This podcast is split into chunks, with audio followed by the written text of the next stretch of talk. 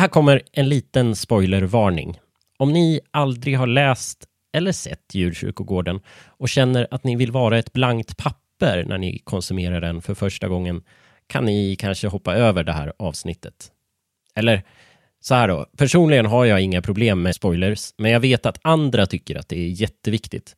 Och det jag kommer berätta, det avslöjar liksom inte hela storyn, men det är verkligen slutet av boken.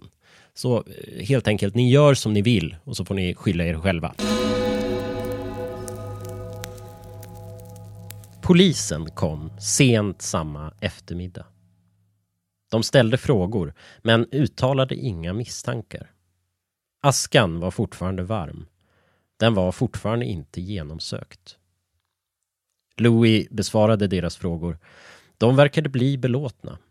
De talades vid utanför och han hade en hatt på sig. Det var bra. Om de hade fått se hans grå hår skulle de kanske ha ställt fler frågor. Det skulle inte ha varit bra. Han hade sina trädgårdshandskar på sig och det var också bra. Händerna var blodiga och såriga. Den kvällen la han patiens till långt efter midnatt. Han hade just börjat på en ny när han hörde bakdörren öppnas. Man äger vad man köper och förr eller senare kommer det man äger tillbaka till en, tänkte Louis Creed. Han vände sig inte om, utan såg bara på korten när de långsamma, hasande fotstegen närmade sig. Han såg spader dam. Han la handen över den. Fotstegen stannade rakt bakom honom. Tystnad. En kall hand lades på Louis axel. Rachels röst var sträv, full av smuts. Älskling, sa den.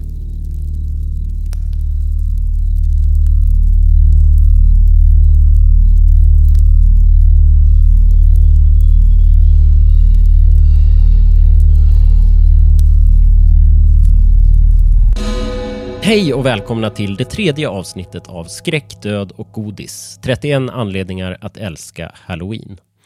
En varje dag-podd under hela oktober fram till Halloween producerad av mig, Albin Boman med Nevada Media i ryggen. En av anledningarna till att jag älskar Halloween är att jag får läsa epilogen i Stephen Kings Djurkyrkogården från 1983. Den är i sig ett mästerverk, som en kortnovell som fungerar för sig själv. Det ironiska är att Stephen King alltid har kritiserats för sluten i sina böcker. Och det förstår jag. Eller ja, egentligen är det väl upplösningarna som ofta är dåliga. Men det är ju jäkligt svårt att förklara något som man tidigare i boken har hävdat är oförklarligt. Den här boken är i alla fall toppen att läsa vid halloween så den lägger vi under kategorin halloween-kompatibel direkt. Och jag ska fundera lite på varför och återkomma till det. Men jag och många andra tycker att Djurkyrkogården är en av Stephen Kings absolut bästa böcker. Den är rå och rätt jobbig att läsa, framför allt sen jag blev förälder. Att då toppa mästerverket med den här underbara epilogen är imponerande. Den skulle ju också kunna vara en, en fantastisk inledning Polisen kommer, askan är fortfarande varm.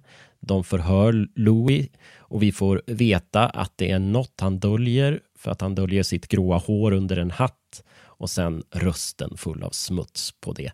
Det här är fan varför jag älskar skräck. Kan det vara världens bästa epilog? Jag tänker i alla fall inte ens försöka att göra en epilog. Jag säger bara tack för att ni lyssnar och hej då. I'll be right back.